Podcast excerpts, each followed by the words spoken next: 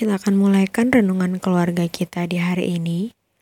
Mari bersama-sama kita menyanyi NKB 199 bait yang pertama. Sudahkah yang terbaik kuberikan?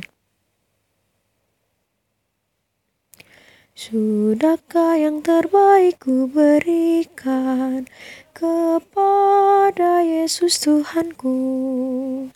Besar pengorbanannya di Kalvari, diharapnya terbaik dariku.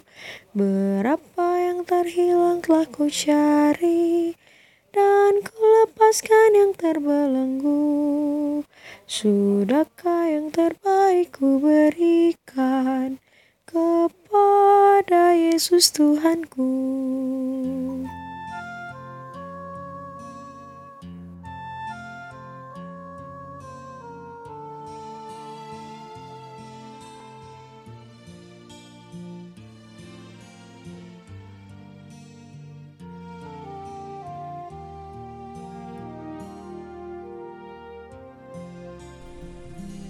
Bacaan Alkitab dari Mazmur pasal 130 ayat 2. Tuhan, dengarkanlah suaraku. Biarlah telingamu menaruh perhatian kepada suara permohonanku.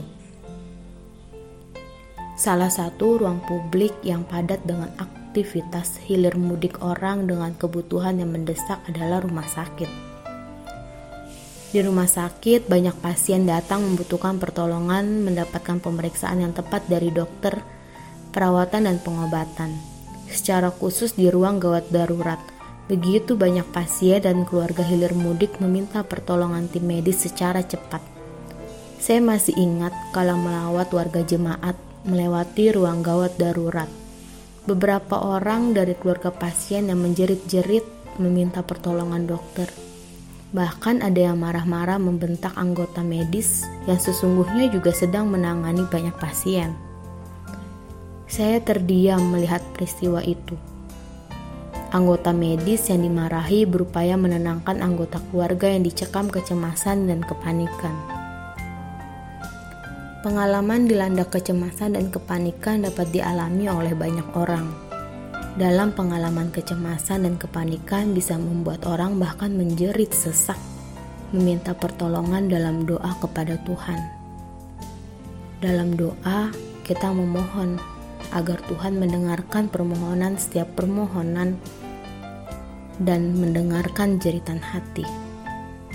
Mazmur pasal 130 ayat 2 Tuhan, dengarkanlah suaraku biarlah telingamu menaruh perhatian kepada suara permohonanku.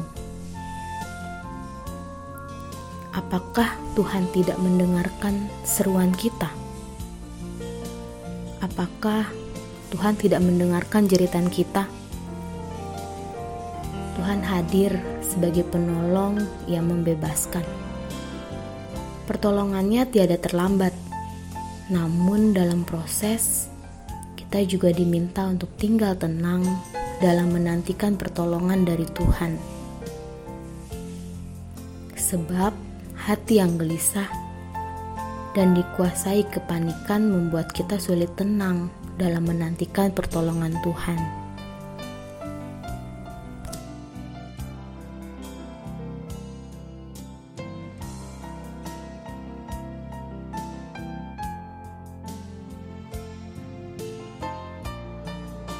Mari kita berdoa. Ya Tuhan, dalam ketenangan dan berpaut kepadamu, kami dapat memahami bahwa pertolongan Tuhan tidak pernah terlambat. Amin. Demikianlah renungan keluarga pada hari ini. Tuhan Yesus memberkati.